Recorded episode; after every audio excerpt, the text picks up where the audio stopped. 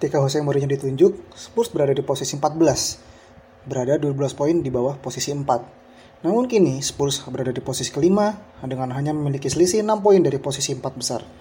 Ada hal-hal menarik apa saja lagi setelah pertandingan melawan Bournemouth?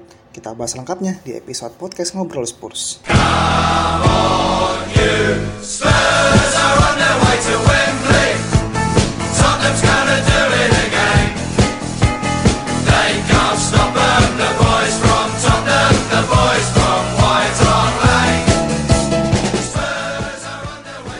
guys, kembali lagi bersama gue Suryo di podcast Ngobrol Spurs.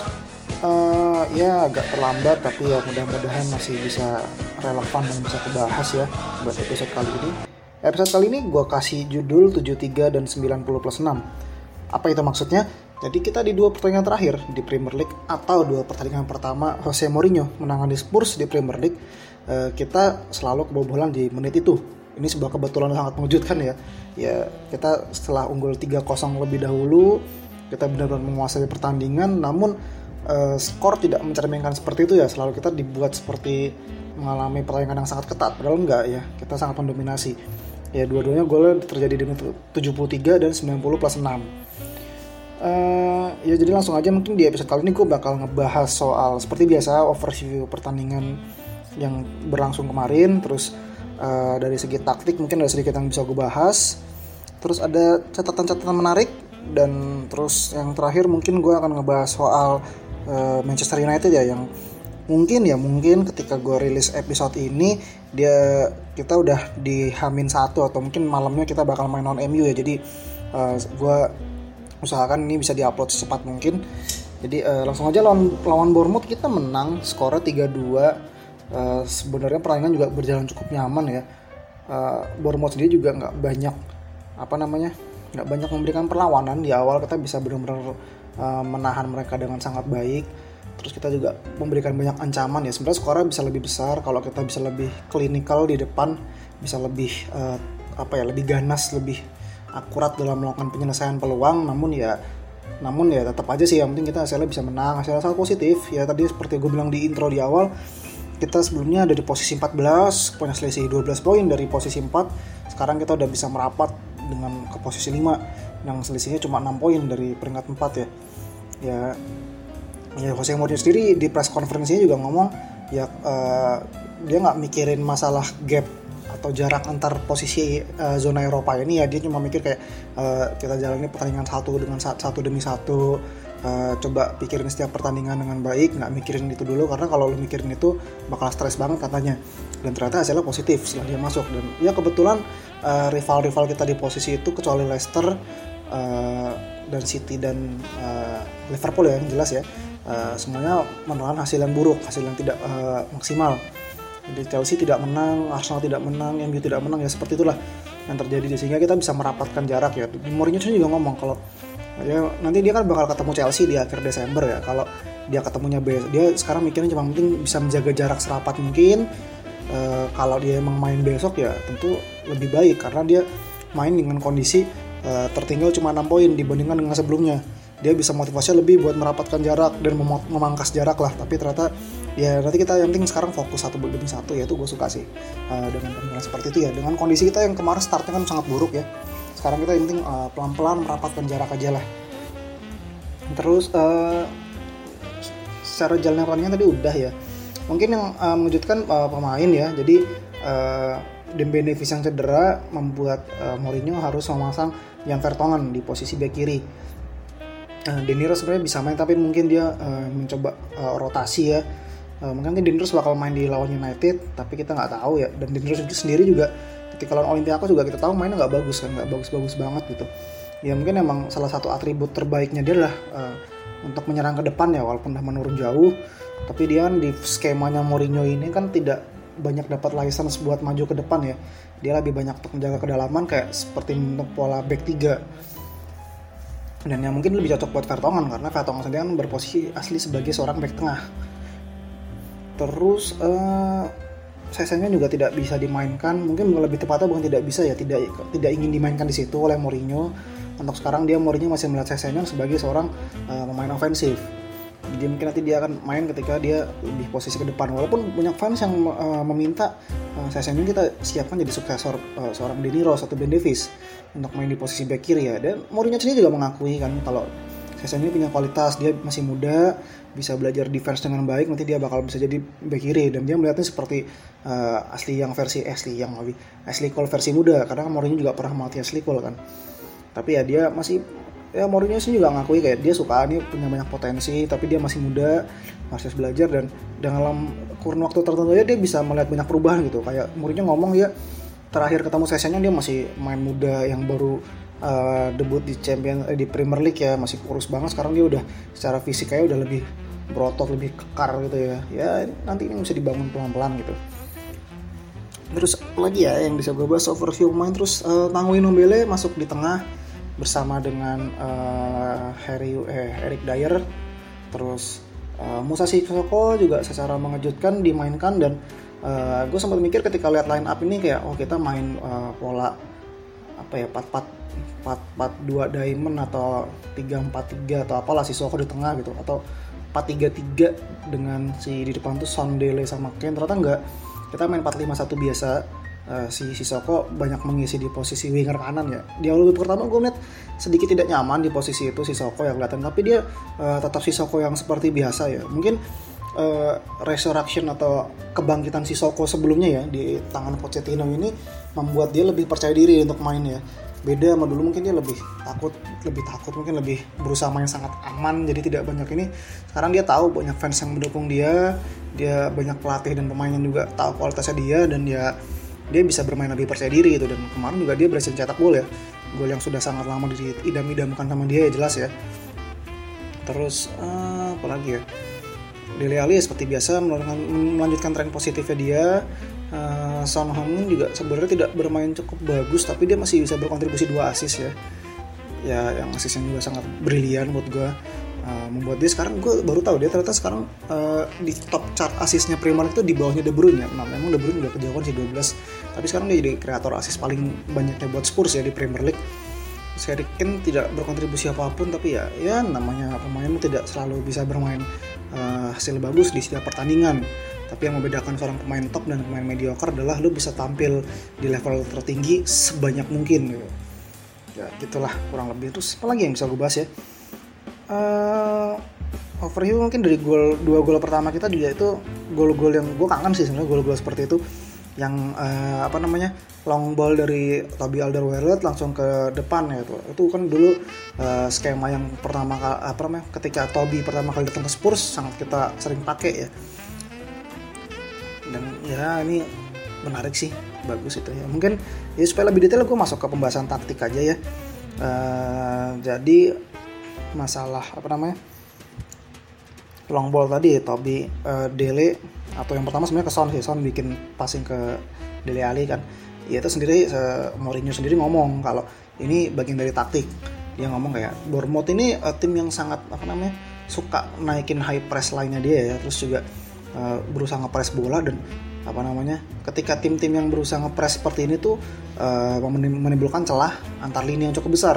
Sehingga dia harus memanfaatkan itu dia bisa bikin build up dari belakang. Dan ini yang dilakukan oleh Mourinho kemarin. Ditambah juga dengan uh, back tengah Bournemouth ini tidak terlalu tinggi. Ini Mourinho ngomong secara uh, apa namanya eksplisit. Dia ngomong bahkan back tengah tertinggi mereka pun juga nggak suka dikasih bola-bola kayak gitu bola-bola udara kayak gitu. Sehingga dia berusaha untuk ngasih bola seperti itu terus gitu. Jadi ya ya terbukti efektif. Kita main direct banget kemarin tuh ya. Kita nggak banyak mungkin beda dengan kita di dua pertandingan awal lawan uh, West Ham dan lawan Olympiakos. Kita banyak main uh, pola-pola kombinasi passing. Kemarin nggak kita main cenderung lebih direct jadi emang bener-bener kayak dari belakang langsung ke depan langsung ke depan kick and rush banget lah. Inggris banget mainnya.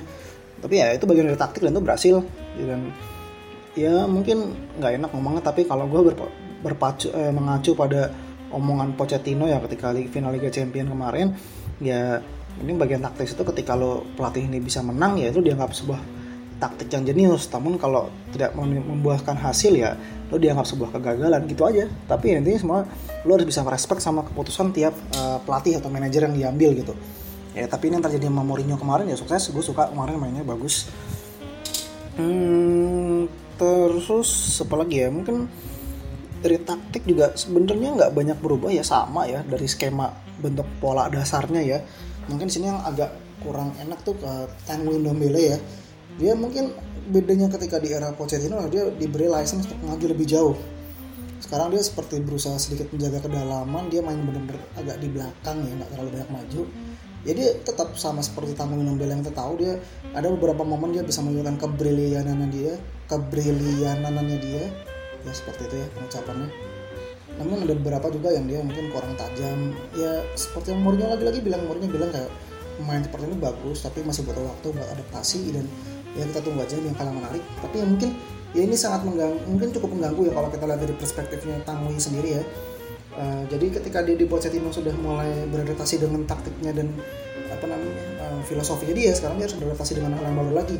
Dengan kondisi mungkin dia belum lancar dalam bahasa belum uh, beradaptasi penuh dengan negaranya dengan kulturnya dengan uh, tempo sepak bolanya ya itu cukup PR cukup besar dan ya. Tapi dia masih muda punya potensi yang cukup besar dan ya kita tunggu aja gitu terus apalagi ya uh, isi taktik yang gue bahas ya mungkin kemarin PR-nya menurut gue uh, apa namanya uh, sepertinya lawan udah mulai menemukan antitesis permainan kita. Biasanya kita sangat mengandalkan dari Sergio Aurier sebelah kanan. Kita sisi kanan kita belum eksplosif banget. Biasanya kan ada Lukas juga di situ kan tapi kemarin si Soko ya sebenarnya cukup bisa menggantikan Lukas. Uh, tapi ya sepertinya lawan udah mulai bisa membaca taktik ini. Dan apalagi kita habis ini melawan tim sekelas MU gitu ya walaupun Ole ini bukan pelatih yang oke-oke banget tapi ya mungkin dia hal-hal seperti ini pasti nyadar lah dengan kualitas main dia. Jelas sedikit di atas Bournemouth ya. Jadi dia uh, mungkin bisa membuat taktik yang lebih apa ya lebih rapi lebih baik mungkin ya. Ya Liverpool aja bisa ditahan imbang gitu sama mereka. Di kemarin main di mana sih di Anfield atau Old Trafford ya. Ya ini jangan sampai hal ini terjadi lah. Kita yang Mourinho mungkin karena sudah cukup waktu lebih lama dia bisa mungkin bisa memberikan detail-detail kecil yang lebih lebih lebih apa ya lebih baik untuk memberikan kejutan. Kita nggak cuma sekedar dari sisi kanan tapi juga sisi kiri atau mungkin kita nyerang lewat tengah atau mungkin kita uh, ternyata kita coba main uh, sepak bola negatif kita main defense dan menolak counter attack ya kita nggak tahu. Kita tunggu aja nanti gimana Mourinho bakal memberikan sentuhan magisnya dia untuk Spurs ini. So far so good. Karena uh, kita masih menang terus ya di tangan Mourinho ya lanjut oh mungkin nggak defense. Defense ini jelas jadi bakal jadi concern utama kita ya. Mourinho sendiri tuh ngomong dia kayak ya jelas defense ini uh, kalau lihat dari skor kemarin ini uh, kita nggak ada perubahan nggak lebih baik. Tapi uh, kadang tuh kadang-kadang tuh skor tuh tidak apa namanya ber, tidak memberikan gambaran sesungguhnya ya. Ya gue setuju sih sebenarnya. Ya ini emang tapi emang ya gimana ya? Ya kita emang di selain di dua menit itu selain di menit 73 dan 90 plus kita defense dengan bertahan dengan sangat baik tapi ya dua di dua momen itu kita bisa kecolongan gol gitu. Tapi Mourinho sendiri ngomong kalau buat lawan Bournemouth kita jauh lebih baik dibandingkan lawan West Ham atau lawan Olympiakos ya. Tapi mungkin masalah timing ya uh, mereka bisa bikin gol direct free kick ya itu yang gol-gol ya udah lu nggak bisa ngapa-ngapain lagi lu harus angkat tangan. Itu masalah kualitas pemain aja dalam melakukan penyelesaian akhir. Dan tapi mungkin setelah itu gol di injury time dia mungkin bisa bicara uh, terlebih bisa banyak karena itu menunjukkan uh, kekurangan dari konsentrasinya pemain kita gitu penurunan konsentrasi. Dan ini harus segera ditanggulangi dan ya dia ngomong pelan-pelan nih bisa ditanggulangi gitu. Tapi Mourinho sini ngomong dia oke okay, dia ngomong di stadion di kandang kita sendiri uh, kita kebobolan uh, 4 gol atau seluruhnya secara keseluruhan kita kebobolan eh dia kebobolan 4 gol dalam jeda waktu tiga hari atau empat hari. Atau mungkin seminggu dia menangani Spurs dia kebobolan udah kebobolan 6 ya di tiga pertandingan. Tapi dia di sisi lain dia bisa bikin 10 gol. Iya bener 10 gol ya. Tiga tiga empat ya bener bikin 10 gol. Dan dia prefer lebih memilih untuk uh, tim yang kita bisa mencetak 4 gol ketimbang mikirin kita kebobolan 3 gol gitu. Kalau kita kebobolan 3 gol ya kita cetak 4 gol gitu. Kalau kebobolan 10 kita cetak 11 gol. Ya ini mindset yang gue suka sangat positif. Jadi ya sangat agresif. Ya ya mungkin sedikit reminder ya Mourinho ini gue kemarin baca di mana ya? Mourinho kita emang terkenal dengan taktik parkir bus dia ya? Karena taktik yang mengantarkan dia bisa uh, menguasai Eropa di bawah Inter Milan waktu itu melawan era salah satu era kemasan Barca yang mungkin bisa dibilang ya masih ada Ronaldinho, Xavi, Iniesta, Messi segala macam. Tapi dia bisa meredam itu semua. Ada Zlatan juga kalau nggak salah ya gue lupa.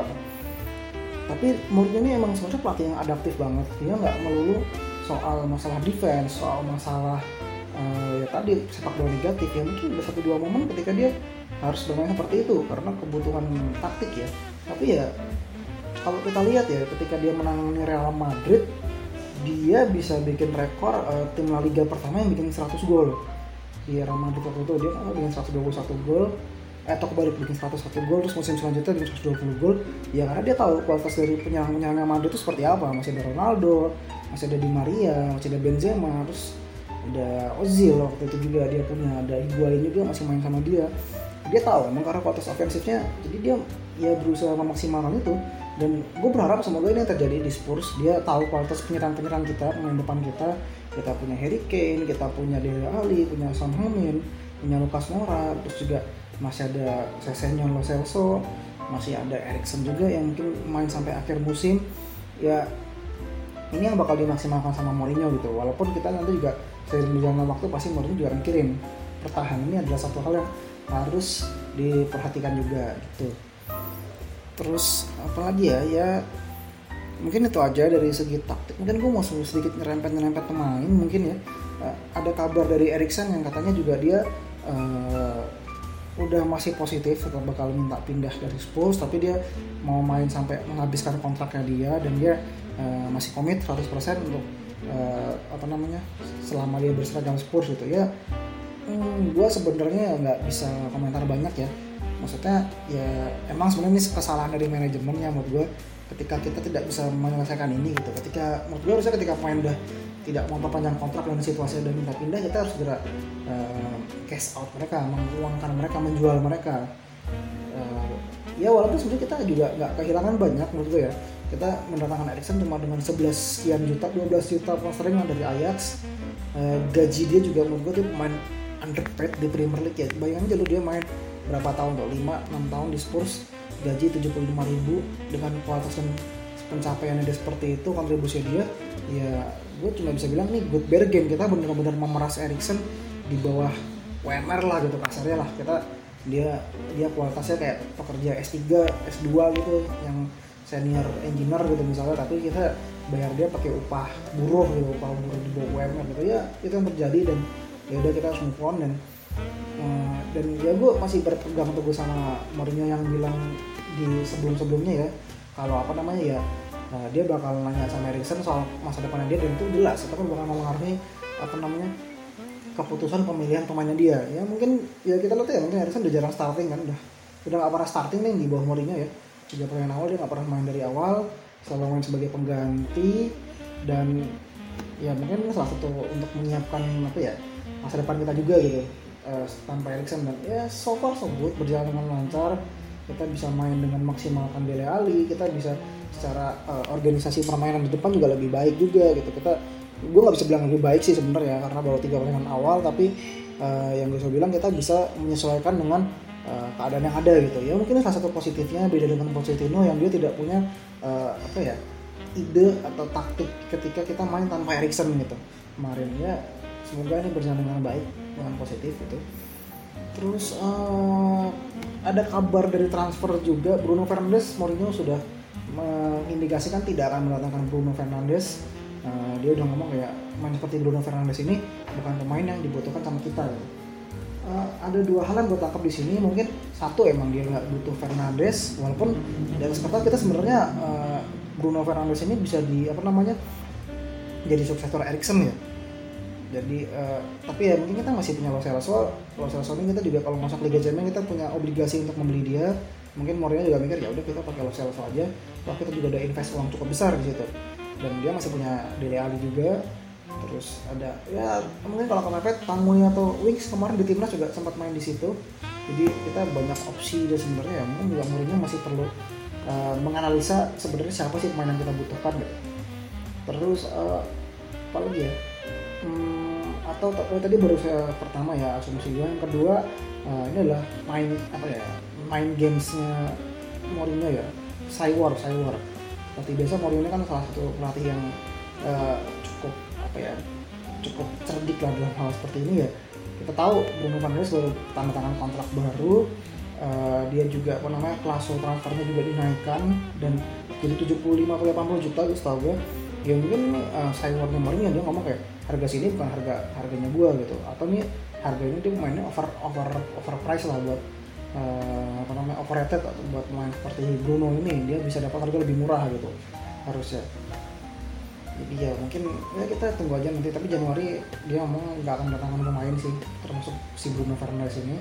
Dan atau juga kemungkinan ketiga ya emang ya emang sebenarnya nggak pengen aja bukan kebutuhan tim juga gitu. Dan ya sebenarnya gue suka main kayak Bruno Fernandes ini dia mainnya bagus banget. Gue kayak berapa kali nonton tayangannya di di uh, Sporting ya dia emang oke okay, gitu. Di timnas juga dia juga mainnya bagus gitu. Tapi ya satu mungkin faktor usianya dia juga dia udah usia udah 25 kalau nggak salah ya dia. Ya kita udah sekali mahal ya mungkin dalam waktu 3-4 tahun lagi valuasinya turun jauh gitu. Dan ya mungkin yang dihindari juga kita lebih baik invest ke pemain muda. Ya walaupun gue nggak selalu berpikir seperti ini ada waktu kita emang harus beli pemain jadi. Karena kalau kita terus-terusan pakai siklus beli pemain muda terus yang masih kita beli potensinya ya bukan beli kualitasnya ya mungkin ya kita tidak akan uh, naik level ya. Mungkin kita bisa maintain level kita tapi buat membawa Spurs ke level yang lebih tinggi mungkin tidak bisa seperti ini gitu. Ya kurang lebih itu aja sih. Terus ada apa lagi ya kabar-kabar lainnya yang bisa gue bahas? Oh kabar Mauricio Pochettino. Jadi dia uh, kemarin uh, pulang kampung ke Argentina dia foto di tim lama dia Newell's Old Boy terus uh, ya dia akhirnya ngomong di Fox Sport Argentina kalau ya dia sekarang udah banyak kabar-kabar kan ya. Jadi dia udah ngepost di apa namanya uh, asosiasi kayak grup kayak grup apa ya ngilis grup Facebook atau grup WhatsAppnya asosiasi pelatih Inggris lah dia ngomong udah.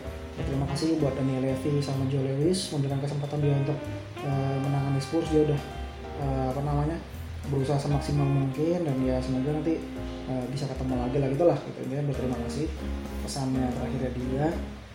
Terus uh, ada kabar juga pemain udah merencanakan buat ya kayak buat mau bikin farewell party gitu lah buat Mauricio Pochettino. Jadi kan ada kabar sebelumnya Harry Kane langsung ke rumahnya dia Dele Alli ke rumahnya dia Eric Dyer juga terus juga dia udah kontak-kontakan sama Hugo Loris sebagai kapten buat mengatur kita ya bikin proper farewell lah namanya Pochettino gitu. Dan ya nggak ada kabar sih maksudnya tapi ya mungkin udah dilakukan ya. Gue suka sih ini klasik gesture ya. Walaupun Pochettino ini kalau dibilang uh, pelatih yang head mungkin maksudnya pelatih legend agak ambigu ya karena dia tidak memberikan prestasi sama sekali. Tapi ya mau suka tidak suka mau tidak mau kita harus mengakui bahwa Pochettino adalah pelatih yang uh, mentransformasi Spurs dari tim yang masih berusaha masuk ke empat besar konsisten buat melawan uh, apa namanya menembus jurang dari Big Five atau Big Four ini. Dan dia bisa membawa kita level yaitu tadi uh, ya mungkin kita ngomong lima tahun enam tahun sebelumnya kita merekrut uh, Jose Mourinho kayak itu hal yang uh, sangat mustahil gitu. Mourinho kayak ngapain gue ngelatih tim seperti itu tapi sekarang Mauricio bisa membawa kita di level di mana kita bisa merekrut seorang Jose Mourinho.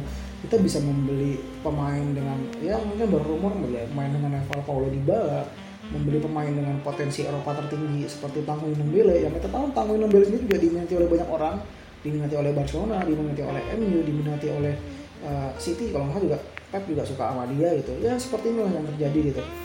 Uh, di Spurs sekarang tuh. Dan ya semua jasa uh, berkat jasa salah satunya di Mauricio Pochettino gitu. Dan Pochettino juga ngomong ya ya sekarang dia pengen pulang kampung dulu. Dia ngomong dia masih muda dia sangat membuka opsi untuk uh, tantangan selanjutnya. Dia pasti nanti juga akan balik ke Eropa cuma dia sekarang butuh ya istirahat sebentar lah buat ke pulang kampung. Tapi dia nggak istirahat lama dia ngomong kayak saya masih muda dan saya masih haus akan tantangan dan saya terbuka untuk tantangan selanjutnya gitu. Dan ya banyak rumor juga kalau dia akan menangani MU atau rumor bodoh gue bilangnya rumor Arsenal. Ini sebenarnya lucu banget ya kayak ya fans fans Arsenal udah bertahun-tahun kita ngatain Pochettino ini pelatih biasa-biasa saja pelatih yang tidak bisa berprestasi sekarang. Tapi sekarang mereka ngemis-ngemis buat mendatangkan Pochettino gitu. Dan ya ini lucu lah ya. Gue takut ya, ini bakal jadi jadi bumerang buat kita ya tapi ya Pochettino ini ngomong kan kayak ya lu tau lah historis gue gue pernah main sebagai main sebagai pemain dan pelatih Espanyol gue sekarang juga menangani Spurs kadang sepak bola tuh lebih dari sekedar uh, apa ya profesionalisme dan pekerjaannya ada hal-hal yang nggak bisa uh, gue lewati gitu. Dan ya mungkin kalau gue disuruh milih uh, kalau gue harus ngelatih Arsenal atau Barcelona mending gue pulang kampung gue buka sawah gitu nangan kebun di Argentina gitu. Ya Pochettino ngomong kasar seperti itu semoga saja dia seperti itu karena ya ini bakal menyakiti hati fans banget. Kalau dia sampai ke Arsenal ya mungkin kalau ke Barcelona sedikit lebih apa ya lebih bisa masuk. Mungkin ya gue nggak tahu maksudnya Pochettino di mata fans fans Espanyol seperti apa. Tapi kalau di uh, dia bakal nyebrang kalau lawan para satu lagi uh, ya bakal sangat menyakiti hati kita gitu. Terus uh, dan ada kabar juga ya ini gue terkejut sih ya sebenarnya jadi kan dia dapat kompensasi 12 setengah juta pound sterling ya dari Daniel Levy. Dan kalau si Pochettino ini ternyata memutuskan untuk melatih tim Inggris lainnya dia harus mengembalikan uang itu. Wah gila coy, maka juga Levy emang kalau pas lagi gini nggak bisa digocek-gocek lah. Emang ya istilah Inggrisnya kan buat Leviat ya. Jadi ya mungkin udah semacam kayak Pochettino dikunci buat jangan sampai melatih tim Inggris lainnya lagi ya. Mungkin dalam kurun waktu lima tahun ya selama kontraknya dia terakhir itu ya mungkin ya. Jadi mungkin dia sekarang opsinya adalah keluar gitu. Nggak tahu sih ya ya mungkin bisa jadi bahasan sendiri. Gue mau bikin episode Pochettino juga nggak jadi jadi ada sih satu yang udah gue tag cuma mungkin bakal gue retake lagi karena ada beberapa hal yang pengen gue masukin juga. Bakal jadi episode panjang yang ditunggu aja lah gitu. Tapi ya ya intinya gue senang sih denger Pochettino sehat-sehat aja. Gitu aja sih sebenarnya uh, apalagi ya yang gue oh ya gue belum bahas ini catatan-catatan menarik yang terjadi kemarin dan oh ya mungkin ketika gue rilis episode ini sudah diumumkan kalau Son Heung-min uh, menjadi pemenang the Asian International Football of the Year ya. Untuk yang ketiga kali tidak berturut-turut tapi tahun lalu kan yang menang Makoto Hasebe tahun lalu tahun lalu lagi Son Heung-min tahun lalunya lagi Shinji Okazaki tahun lalu tahun lalunya lagi Son Heung-min gue sempat mikir kayak ini hoax kali ya soalnya gue kan pas lagi mantau langsung ngecek situsnya AFC kayak kok nggak keluar nggak keluar namanya dia. Maksudnya yang diumumin tuh yang si pemain Qatar tuh yang main sama Safi yang keribu tuh lupa tuh namanya. Yang jadi teman terbaiknya ternyata oh ternyata beda International Player of the Year gitu. Dan ya keluar di website AFC oh ya udah bener dan klub juga udah mengkonfirmasi ya udah. Terus juga Ballon d'Or sudah keluar juga pengumumannya ada dua nama pemain kita yang masuk dalam 30 besar yaitu Hugo Lloris dan Son Heung-min dua-duanya ada di posisi berurutan Son di posisi 22 dan Lloris di tingkat 23 ya gue ucapkan selamat. Ya mungkin kemarin pencapaian musim lalu juga apa namanya uh, tidak bisa dibilang jelek-jelek juga enggak tapi sangat mengesankan juga enggak tapi cukup mengesankan di mana Hugo Loris bisa angkat piala eh bentar. Hugo Loris uh, nggak tahu sih gue World Cup pencapaian World Cup ini dihitung nggak buat Loris tapi ya ya Loris juga lumayan sih nggak jelek banget. Bisa bawa Spurs. Dan intinya dua-dua pemain ini berkontribusi buat Spurs di Liga Champion juga.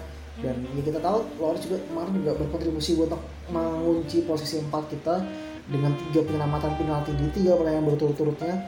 Terutama Arsenal tuh kalau itu gol kan Arsenal menang Arsenal finish jelas kita gitu. Dan ini yang salah satu hal kecil yang bisa membantu kita gitu. Ya banyak pertimbangan tapi gue nggak tahu lah tapi Liga Champion yang Loris main cukup oke sih musim lalu ya.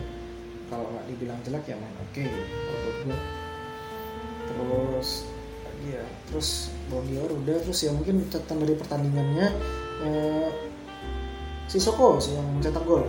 Jadi ini lah gol pertama dia setelah eh, 9, eh, 69 pertandingan liga tanpa gol. Terakhir dia bikin gol ketika lawan Huddersfield itu dua musim lalu kalau nggak salah ya. Kita menang 4-0 pakai jersey hitam gitu. Dia masuk sebagai pemain pengganti dan bikin gol. Ya golnya juga aneh gol-gol di flag ya. Jadi dia nendang ke mana tapi kan di flag ke mana gitu. Jadi tetap gol. Atau di seluruh kompetisi 95 pertandingan ya. Dan kalau nggak gue lupa ya terakhir tuh si Soko juga sempat bikin gol lawan West Ham ya kalau nggak salah ya. Di Carling kalau nggak salah itu juga. Kita menang waktu berapa sih? tiga dua ya? tiga dua oh enggak yang kita kalah dua tiga sorry. Kita kalah waktu si Soko jadi gol pembukanya itulah eh, dua pertandingan terakhir yang ketika si Soko mencetak gol. Terus ya ini menarik sih ketika uh, mungkin nanti gue taruh di thumbnail juga buat ini. Jadi bahkan stadion pun tidak siap ketika Sisoko mencetak gol ya karena jadi kan kalau main bikin gol di stadionnya kan diumumin di layar gede gitu kan. Cetak gol kita Musa Sisoko terus nama dia juga ada di kayak di apa namanya uh, LED banner yang ada di tribun penonton itu. Dan tulisannya juga typo Musa Sosoko itu ya gue rasa juga emang staff tadi juga kayak lah anjir serius ya si Soko golin udah. Mereka jadi jadinya baru bikin tempat dan typo ya, ya itu lucu aja sih. Dan respon pemain-pemain kita juga lucu di sosial media ya. Kayak dia ngepost di Instagram kayak uh, gue mencetak gol gitu ya terus kayak apa terus uh, Harry Kane komen di Instagramnya kayak ya buat a time udah kayak udah waktunya gitu terus uh, Vertonghen juga komen lebih lebih apa ya lebih kurang ajar sih. Dia komen kayak nggak itu crossing sebenarnya tapi jadi nggak sengaja aja gol gitu. Coba nanti kalian cek sendiri di Instagram Soko dan ada komen Harry Kane Vertonghen gue belum ngecek lagi kalau ada pemain yang komen. Terus juga Vertonghen juga ngepost foto juga di Instagram dia lagi post sama Soko dan dia ngeteknya aneh gitu. Dia ngetek ngetek salah satu uh, peternakan di Belgia kayaknya ya. Atau Belgia atau Belanda gue nggak tahu kan pakai bahasa itu yang isinya tuh foto-foto kambing semua ya kan? Emang istilahnya di sana kan ada goat ya istilahnya goat ya. Istilahnya kan sering menjuluki sesuatu sebagai goat ya. Goat itu kan singkatan dari kalau lo yang belum tahu ya greatest of all time orang terbaik sepanjang masa lah. Ya yang bilang Vertonghen nah, biasa lah Vertonghen ini jago banget kok masalah kayak gini kan. Terus uh, Dele Ali Dele Ali kemarin di babak pertama jadi pemain yang sangat influential ya dia bikin passing di sepertiga akhir lapangan paling banyak 16 uh, eh, dia recovery bola atau memungut bola atau mengembalikan penguasaan bola ke kita lagi juga paling banyak 6 uh, eh, dia bikin offensive take on atau apa namanya percobaan dribble melewati lawan juga paling banyak 5 lima kali di babak pertama. Dan kalau statistik secara keseluruhan di game uh, di pertandingan kemarin dia bikin passing suksesnya 82% take on set satu pertandingan dia bikin 8 8 ball recovery juga terus bikin 5 shot 3 on target dan 2 jadi goal harusnya dia bisa hat trick ya ada satu goal yang terakhir dia harusnya bisa lebih bagus finishingnya tapi ya udahlah. Uh, dan Dele Alli ini mungkin salah satu gue nggak tahu ya banyak kan Dele Alli atau Son ya yang bikin brace tanpa hat trick paling banyak. Tapi kalau Son kan udah pernah hat trick sekali walaupun di carding Dele Alli ini belum pernah hat trick sama sekali loh. Jadi ya mungkin uh, di era Harry ini yang bikin hat trick paling banyak Harry paling banyak terus ada Eric Lamela juga ada Lucas Moura udah dua kali juga ada Fernando Llorente. Terus kayaknya udah itu aja sih ya yang main-main yang pernah hat trick di Spurs satu dekade ini kali ya. Mungkin kalau kita ngomong oh satu dekade kalau sudah Gareth Bale. Emang ya Gareth Bale pernah hat trick ya? Gue lupa sih ada ada bayar lah minimal. Di situ. Terus uh, catatan ini juga membuat Dele Alli selama tiga pertandingan yang pertama bersama Mourinho ya selalu berkontribusi atau terlibat dalam gol-gol Spurs. Yaitu dia udah bikin tiga gol dan dua asis ya. Jadi lawan West Ham dia bikin satu asis dan kita tahu permainan yang sangat briliannya dia ya untuk mengatur permainan di depan. Jadi kreator serangan-serangan kita. Terus lawan kemarin tuh kita lawan siapa namanya? Lawan Olympiakos dia juga bikin satu asis dan satu gol. Dan sekarang dia di lawan uh, Bournemouth bikin dua gol ya kemarin kelihatan sih sebenarnya emang berusaha dikasih apa namanya kesempatan buat hat trick tapi ya emang tidak terjadi terus akhirnya diganti terakhir sama Lo Celso Lo Celso sorry. Dan ya semoga dan kalau versi polling Twitter dia tiga pertandingan ini jadi man of the match terus. Ya yang mana nih ya hal-hal yang udah dirindukan sama Dele atau supporter kita ya. Jadi ya mungkin ini bakal jadi hot topic banget ya Dele Ali kebangkitan Dele Ali ini gitu sampai Southgate juga ikut ngomong Mourinho juga ngomong Southgate pasti seneng kok ngeliat permainan Dele Alli sekarang. Dia udah kembali menemukan permainan terbaiknya dia.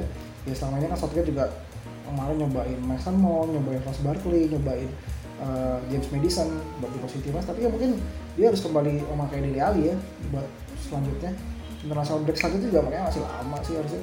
Friendly friendly sebelum Euro ya. Tapi kan Euro kan kualifikasi udah kelar dan ya mungkin tinggal fokus pematangan tim selanjutnya. Kan tapi ya mungkin dengan performa seperti ini gue yakin Dele Alli pasti balik sih ke timnas.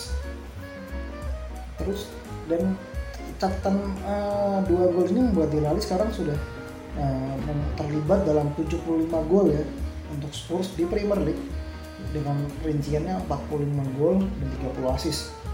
Wow ini angka yang sangat luar biasa ya menurut gue ya. Uh, ya mungkin kalian bisa ngomong gue bias karena gue mendukung Spurs tapi ya lo kalau punya hati dan punya otak sebagai pemain netral ya ini angka yang banyak coy. Dia pemain uh, dia dulu main di Spurs umur berapa sih? Pertama 19 tahun ya kalau nggak salah ya. sekarang dia main masuk umur 22 mau 23 mau lupa ya. Dan dia udah bikin uh, catatan sebanyak ini gitu 45 gol dan 30 assist udah maksudnya main buat pemain pemain segini bikin catatan udah hampir terlibat 100 gol ya ini angka yang banyak loh. Ini baru di Liga Inggris ya kalau di seluruh kompetisi lebih banyak lagi. Gue belum ngecek tapi udah di atas ini udah hampir cepet kalau nggak salah. Nanti gue cek lagi ya semoga mungkin dia udah bisa bikin toren itu di pertandingan nanti gitu. Dan gue sebenarnya berharap Dele Alli bisa konsisten seperti ini terus sih. Jadi uh, kita tahu Dele Alli udah pernah menang dua kali player yang player of ya. Dan gue rasa dia musim ini punya kans buat menang ke situ lagi gitu. Karena gue melihat kayaknya pemain-pemain muda sekarang ini uh, banyak yang ya nggak tahu sih gue banyak yang mengalami penurunan uh, kayak siapa Bernardo Silva kayaknya masih masuk deh kalau ya. Atau udah enggak udah 25 eh, enggak dia udah masuk dia udah 25 tahun lalu kan yang menang Lerosen Lerosen lagi cedera panjang. Mungkin nanti dia lawannya ada Temi Abraham ada oh iya ada Temi Abraham Temi Abraham sih pasti menang sih harusnya. Temi Abraham dan Kasamo tapi kita tunggu aja nanti mungkin uh, Temi Abraham juga lagi cedera dan mungkin kita juga tidak untuk kemungkinan ada penurunan performa tiba-tiba di Leali ntar di akhir biasa kan PFA ini nanti di bulan-bulan Maret Februari ya mungkin nanti dia bisa ternyata catatan golnya dia udah tiba udah 10 asis dia juga udah 11 gitu kita nggak tahu kan. Itu catatan yang sangat luar biasa ya. Gue berharap dia bisa menang lagi sih. Uh, yang player of the year ini dari Ali nggak tahu kenapa gue suka aja itu kalau dia menang di situ.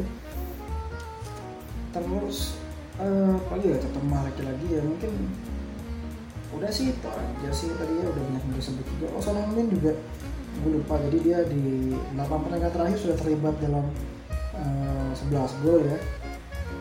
Gue lupa sebenarnya gue nulis apa sih? Gue nggak jelas nih uh, tapi tadi gue udah sebut juga kan dia bikin nama asis liga. Ya mungkin itu sih catatan positifnya. Terus ya mungkin gue bahas sedikit preview melawan Manchester United ya. Uh, jelas pasti kita bakal dirotasi lagi. Gue yang paling nggak gue tebak adalah nanti posisi back kiri ya. Nah kita bakal pakai Vertonghen lagi atau uh, Rose. Ya kita tahu Dini Rose masih cedera ya. Mungkin buat sekarang opsinya Mourinho itu. Dan ada si siapa namanya? Uh, Daniel Craig ya? Siapa kok Daniel sih. Gue lupa nama depannya tuh yang main uh, U19 juga yang si Mourinho udah jemput juga. Udah barusan tanda kontrak profesional juga. Tapi Mourinho menilai tinggi pemain itu dan dia bakal berusaha melibatkan pemain itu ya di latihan senior. Dan ya mungkin dia bisa jadi opsi juga kita nggak tahu. Atau sesennya tiba-tiba dikasih apa namanya extra dulu belajar defense belajar defense belajar defense jadi back kiri tiba-tiba dia. Uh, dan dia mungkin juga kemudian kalau CC-nya main di situ kita bisa bikin uh, reverse taktik kita yang biasanya ya. Jadi kalau biasanya kan Aurier yang lebih ofensif sekarang kita mungkin di backup kita main Void yang bisa lebih defensif dan di sini kita kasih uh, license buat nyerang lebih banyak buat si CC-nya ini bisa jadi juga coy taktik seperti ini. Kita tetap uh, membentuk shape atau organisasi permainan yang sama cuma ganti sisi aja yang lebih ofensif bukan di Aurier tapi di CC-nya ya kita tunggu aja lah. Ini abis ini kan kita masuk periode padat periode Desember nih gue suka nih uh, kalau apalagi biasanya Spurs main bagus di periode ini dan banyak pertandingan juga banyak hiburan banyak yang seru-seru ya. Itu deh intinya gue suka deh. Jadi nanti juga banyak kalau banyak rotasi banyak pemain yang main ya intinya tetap so fun seru. Terus uh, mungkin Lukas bakal kembali main lagi jadi starter lagi dan kita tahu terakhir kita main di Old Trafford Lukas bikin dua gol itu yang bikin dia menang Player of the Month ya kalau nggak salah. Iya layar teman ya masalah waktu itu kan ya. Jadi uh, apa namanya mungkin Lukas bakal termotivasi untuk mereplikasi permainan dia di Old Trafford waktu itu. Semoga bisa dia tunjukkan. Terus juga apalagi ya? Hmm, terus siapa lagi ya oh Tanguin Membele gue nggak tau gue tantangan besarnya Tanguin bakal starting starting atau enggak. Gue kayaknya lebih cenderung ke Dyer Wings yang bakal main di tengah. Ya jadi eh, nggak uh, tahu sih mungkin Wings ini lebih fundamental sense of stability. Nanti mungkin Tangi bakal main di babak kedua. Kalau akan atau mungkin kalau kondisi situasi pertandingan tidak berjalan dengan baik karena nggak tahu sih gue ngeliat ini lebih main lebih brilian ketika dia sebagai subs ya. Mungkin karena lebih segar juga lebih fresh dia udah dapat uh, gambaran jalan pertandingan seperti apa gitu ya. Mungkin standar lah tipikal pemain masih adaptasi. Kita tunggu aja banyak hal yang menarik dan mungkin gue yang gue suka adalah ini uh, lawatan Mourinho ke MU ya. Dia kan terakhir melatih MU sebelum dipecat. Dia ya mungkin bakal jadi pertanyaan sedikit sentimental. Dan Son juga ngomong dia mungkin membantu Mourinho bisa membalas ya kasarnya membalas dendam lah pada bekas timnya semoga ini bisa terjadi ya gue suka sini banget jadi sweet revenge banget. Dan apa namanya uh, apa namanya mungkin bakal jadi menarik juga kalau apa namanya setelah Mourinho menang Oleh dipecat di pagi harinya. Oh itu seru sih sebenarnya. Walaupun gue berharap ya Oleh ini tetap stay aja di MU lah. Biar mengurangi saingan di empat besar. Di empat besar persaingannya antara Liverpool Liverpool kayaknya udah pasti juara musim ini. Nah, City Leicester Chelsea sama Spurs ya mungkin Chelsea atau Leicester bakal sedikit kendor kita nggak tahu tunggu aja deh ntar. Ya mungkin itu aja sih ya gue nggak bisa banyak bahas.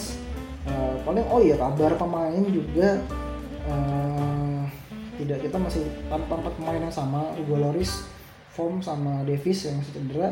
Benevisnya juga cedera mungkin panjang. Lamela juga masih cedera juga nggak tahu sih. Uh, ya udah itu aja sih. Oh, tadi mungkin bahas aja, eh, bahas aja deh ya jadi gue lupa tadi mau ngomongin soal ada momen yang mungkin kalian momen penting juga yaitu tackle menit akhir dari Vertonghen ya. Itu gue dari dia di posisi seorang back kiri dia lari ke tengah mengcover Alderweireld biasa Alderweireld ini kalau situasi bola-bola atas ini emang kurang meyakinkan ya walaupun dia sering bikin banyak gol-gol sebulan. Tapi ya kemarin bisa di cover sama Michael Everton ya itu kalau itu bisa lepas ya kita uh, kemarin harus membuang ngomong tiga gol gitu. Itu memang tidak terjadi gitu jadi itu aja sih ini bakal jadi pertandingan menarik ya yang dilawan uh, Spurs. Dan yang ya gue nggak tahu sih MU ini defense-nya sebenarnya nggak bagus-bagus amat. Yang gue lihat ya walaupun dia ada kedatangan Armand Wisaka sama uh, James eh James Maguire, Harry Maguire. Oh tapi ya ada pertimbangan juga sih ya berarti ya Armand Wisaka ini. Kalau kita mau cobain pakai reverse taktik yang biasanya ini uh, sessionnya diadu sama Bisaka ya berat sih coy. Yang Bisaka ini tackle tacklenya oke oke banget itu kalau buat gue. Dan ya mungkin ini salah satu back yang terbaik di liga saat ini. Ya oh dari sisi defense dari sisi offense ya jauh lah tren lah. Tren lebih gila coy mainnya. Ya udah itu aja yang berarti yang bisa gue bahas ya. Dan uh, semoga yang bisa gue sampaikan ini bisa informatif bisa dimengerti dan apa namanya ya bisa memberikan kalian wawasan-wawasan baru atau mempertebal wawasan nama kalian. Ya seperti biasa kritik dan saran gue sangat terbuka untuk uh, masukan gue ke depannya. Dan ya masih sama-sama aja kayaknya nggak perlu ulang-ulang gitu langsung aja lah. Jadi sekali lagi terima kasih udah mau dengerin podcast Ngobrol Spurs. Uh, buat episode kali ini cukup segini aja dulu. Sampai ketemu lagi di episode selanjutnya. Bye bye see you